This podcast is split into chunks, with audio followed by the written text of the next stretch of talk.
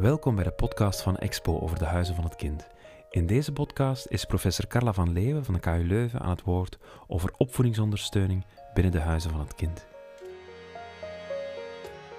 Een huis van het kind dat is voor mij een plek waar uh, ouders en gezinnen kunnen komen um, om een aanbod te krijgen rond opvoedings- en gezinsondersteuning, waar dat ze dus in een veilige omgeving steun kunnen krijgen bij allerlei vragen, zorgen of problemen in de opvoeding of, of op vlak van het gezin.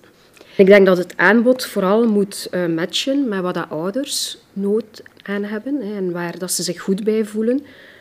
Het belang van een huis van het kind nu, denk ik, is dat er veel vraag is naar ondersteuning. Dat er ook wel een aanbod is, maar dat dat niet altijd matcht en dat mensen soms verloren lopen in het aanbod. En dat ze niet goed weten bij wie ze terecht kunnen voor vragen over specifieke onderwerpen. En een huis van het kind heeft juist die meerwaarde dat het een laagdrempelige plek zou moeten zijn waar iedereen zonder gêne zou moeten kunnen binnenstappen om over gelijk wat een vraag te stellen en dat ze dan ja, terecht kunnen bij het gepaste aanbod. De doelgroep van een huis van het kind is voor mij enorm breed. En ik denk dat we oog moeten hebben voor diversiteit in samenlevingsvormen, in sociaal-culturele achtergrond, uh, leeftijden. Iedereen zou zich eigenlijk uh, moeten aangesproken worden om uh, zo'n huis binnen te stappen met vragen en, en, zorgen. Misschien zelfs ook gezinsvormen zonder kinderen. Um, dus ik denk dat die doelgroep heel breed moet zijn. Het is, het is echt ook bedoeld preventief, hè, om problemen tegen te gaan. Dus ja, iedereen zou, zou de kans moeten krijgen om daar uh, binnen te gaan. Een van de voorwaarden om opvoedingsondersteuning te bieden is denk ik dat je misschien zelfs eens moet vooraf peilen naar welke behoeften en noden ouders en gezinnen zelf hebben.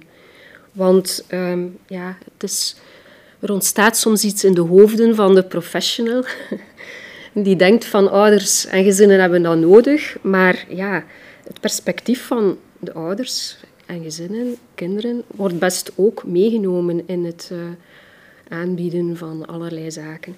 Dus ik denk dat uh, er geen eenrichtingsverkeer mag zijn, waarbij dat de professionals alleen het aanbod bepalen, maar dat de gezinnen zelf ook een stem hebben in wat zij belangrijk en nodig vinden.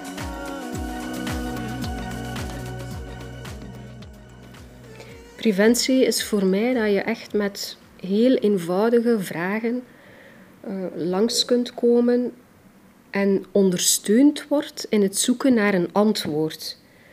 Dus dat betekent ook dat een professional niet per se daar als expert zit en allerlei adviezen en antwoorden biedt. Want dat is denk ik ook een valkuil dat men uh, als professional vanuit zijn expertenrol in een soort van asymmetrische communicatie komt met een ouder of een gezin waarbij dat die dan de rol heeft van de onwetende of degene die vraagt, degene die moet geholpen worden.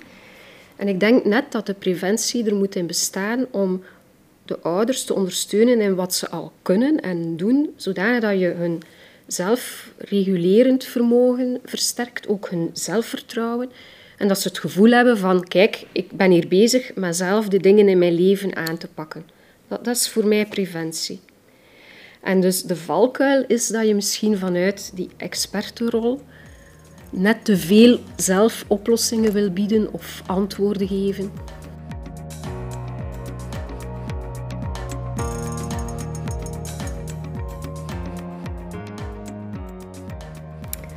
Een competentie die ik belangrijk vind bij een professional in de opvoedingsondersteuning en gezinsondersteuning is openstaan voor diversiteit op verschillende vlakken, zowel uh, gezinssamenstelling als uh, culturele achtergrond, uh, maar ook ideeën over aanpak in de opvoeding. Want ja, er zijn natuurlijk verschillen in waarden en normen die mensen hebben over opvoeding en ook de aanpak past niet altijd bij elk kind. Dus ik denk dat de professional zich heel goed moet bewust zijn van eigenwaarden en normen over opvoeding. Um, en daarmee rekening houden, daar ook zelf over uh, reflecteren als, uh, als professional. Door in contact te komen met andere gezinnen leer je natuurlijk veel over hoe men denkt over opvoeding. De confrontatie met andere um, zienswijzen is heel interessant. Maar ik denk ook wel dat opleiding daar kan uh, bij helpen. En intervisie zelf in een huis van het kind, dat daar mogelijkheid wordt voor gecreëerd, dat er intervisie is. Uh, ja, uit de confrontatie met anderen leer je gewoon heel veel. Hè. Wel, mijn droom is dat een huis van het kind bekend is bij iedereen. Uh, een stevige reputatie geniet als een huis van vertrouwen. Zodat niemand er eigenlijk aan twijfelt om daar binnen te stappen. Um, heel diverse gezinnen, uh, ouders, kinderen, iedereen voelt zich daar welkom. En het zou ook mooi zijn dat een huis van het kind echt een fysieke locatie heeft, heel zichtbaar is en toegankelijk. Uh, waar dan men kan binnenlopen met een verhaal of uh, met een vraag. Um, ja, echt alsof dat, dat de meest evidente zaak is ter wereld om dat te doen. En ik denk dat net zoals een gezin uh, als systeem eigenlijk de functie heeft om vertrouwd te zijn, om veilig te zijn, zo zou ik ook graag een huis van het kind zien.